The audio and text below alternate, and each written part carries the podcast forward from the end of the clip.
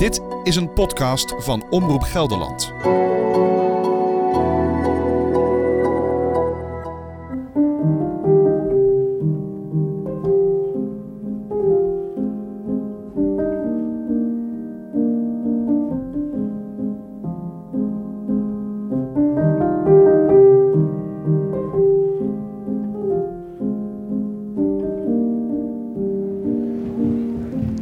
Koffiekamer wandelt eh, Joost Vullings eh, binnen, journalist. Elke week kom je hier even. Praktisch iedere week kom ik hier even. Ja. Op dinsdagmiddag zo tussen 12 en 2 waai ik er eventjes aan. Ja, wat levert jou dat als journalist dan op? Eh, veel, veel, veel inzicht. Nou, je houdt sowieso de agenda van de Eerste Kamer in de gaten. En sinds natuurlijk hier nog wel eens een kabinet niet de meerderheid heeft, is dat politiek gewoon belangrijk. Dus je vraagt gewoon wel even aan, aan, de, aan de belangrijke mensen hier van joh, wordt dat nog spannend? Ha- Haalt het wel de meerderheid? Dus dat hou je in de gaten. Want het gaat er vaak wel echt over hele belangrijke wetten als het, eh, als het spannend wordt. En daarnaast zijn hier mensen die, ja, polit- als veel mensen hebben hier veel politieke ervaring, veel maatschappelijke ervaring. En dan is het ook wel eens fijn om daar gewoon eens even rustig over bepaalde thema's te praten. Maar ook hoe ze tegen hun eigen partij aankijken of tegen de coalitie aankijken. Ja, het zijn mensen met veel levenservaring en ze zijn vaak een stuk opener.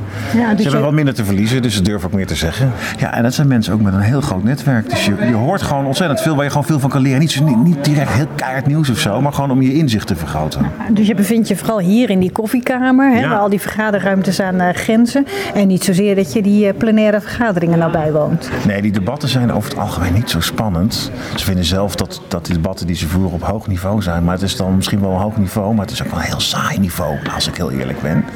Dus die, die, die, die, die volg ik eh, nauwelijks, tenzij het echt heel spannend wordt. Nee, ik, ik, kom vooral om eventjes gewoon met, met iedereen te praten. En nou, jij loopt hier zelf ook rond. Hier heb je bijvoorbeeld een, een, een voorlichter, de huisvoorlichter nog maar. Die haalt gewoon nog wel eens een bakje koffie voor je. Nou, in de Tweede Kamer komt dat niet voor. Hij ja. haalt elke dag thee voor me. Ja, ja, maar zo is die, weet je. En dat, maar dat kan hier ook. En wat ook heel leuk is, is als... Kijk, nu staan wij hier met z'n tweeën. Maar als nu zometeen hier een, een bekende senator komt en, eh, en wij of ik schiet die aan... dan kan je daar gewoon soms twintig minuten mee praten zonder dat er andere journalisten omheen komen staan. Nou, als jij over een uurtje, want het is nu dinsdagmiddag, meegaat naar het vragenuur... dan kan je eigenlijk met niemand praten zonder dat er allemaal mensen stiekem aan het meeluisteren zijn. Maar hebben deze Kamerleden dan ook eigenlijk wel wat te vertellen?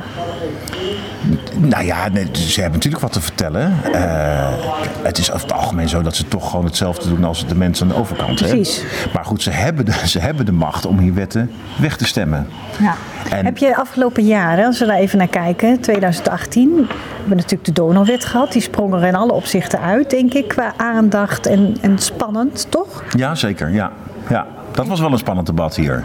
Ja, maar dat is vrij zeldzaam. Ja, maar dat komt ook omdat eigenlijk het debat niet zo goed gevoerd werd. Dat het mooie was, je hebt in de, in de Eerste Kamer heb je eigenlijk twee soorten senatoren. Je hebt de, de, de professor of iemand die heel hoog is in de advieswereld, die vanwege de kennis en zijn, zijn netwerk hier zit.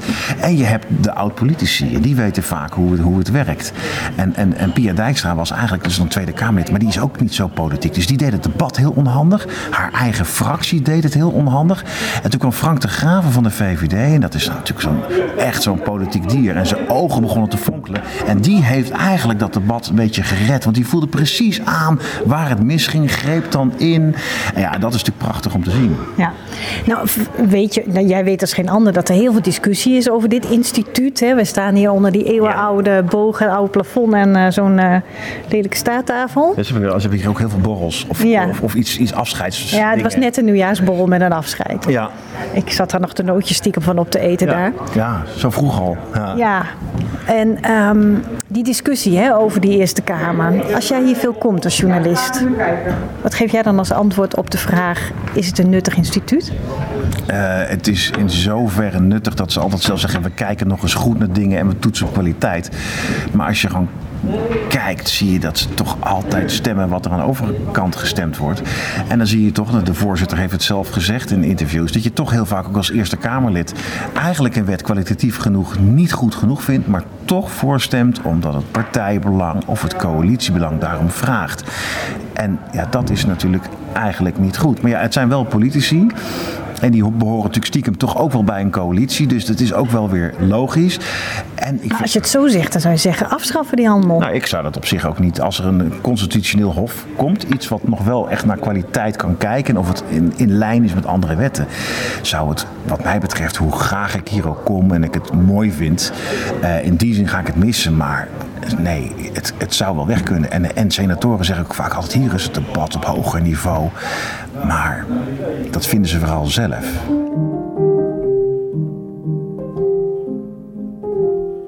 En daarnaast is het hier ook met, met bijvoorbeeld als het gaat om integriteit, die, de, de, de dubbele petten discussie. Ja, dat, dat, dat, dat doet de Eerste Kamer ook niet echt handig. Dat is ook niet echt goed voor het draagvlak. Want?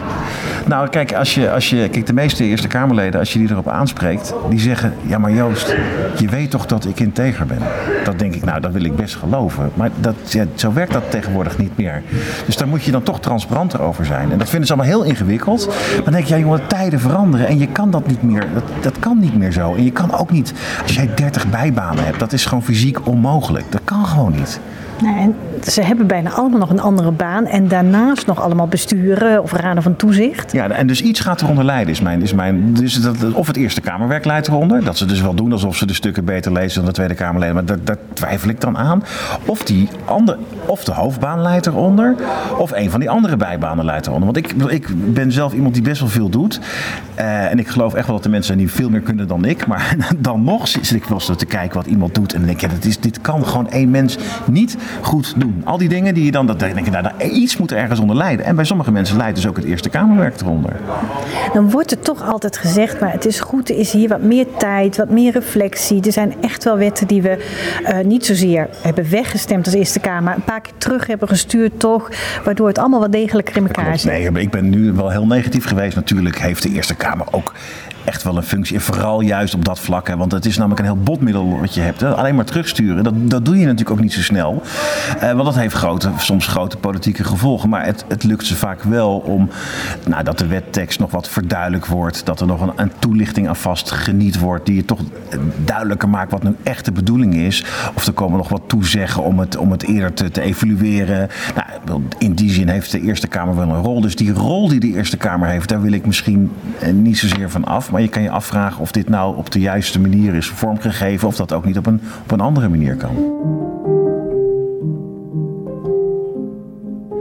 Ja, maar ik hou wel enorm van de Eerste Kamer. Waarom? Nou, van die, dus, ja, die, die sirene rust. Wij staan hier nu al gewoon met z'n tweeën hier, weet ik veel, tien minuten te praten zonder dat we worden lastiggevallen, zonder dat, dat de mensen gaan meeluisteren. Straks komen hier mensen, daar kan je rustig mee van gedachten wisselen. In die zin is het tempo hier ook wel wat rustiger. Je ziet vaak die mensen in die zitjes zitten met elkaar een beetje bij te praten. En dat kan de inhoud ten goede komen in plaats Ja. van dat, die red race aan de overkant. Ja, maar daar hebben ze ook wel tijd om met elkaar te praten. En je weet niet eens of ze nou praten over, over het, hun hoofdwerk. eh, Of het baan. Of, of hier, eh, of het golftoernooi of van iets anders. Weet je? Want het is natuurlijk ook, hier komen natuurlijk allemaal mensen tegen die elkaar eh, in andere functies ook tegenkomen. Dus als ze hier met elkaar in een hoekje zitten, weet ik niet welk doel nou gediend wordt. Ja. De vergadering gaat beginnen, dus ik Ja. moet daar, daar naar die zaal. Ja, ga, jij, ga jij het hele debat volgen? Nee, dat is vijf minuten vandaag. Oh, dus, dus even iedereen aanwezig stemmen en wegwezen. Precies. Ja, het is precies. En dat van ons belastinggeld.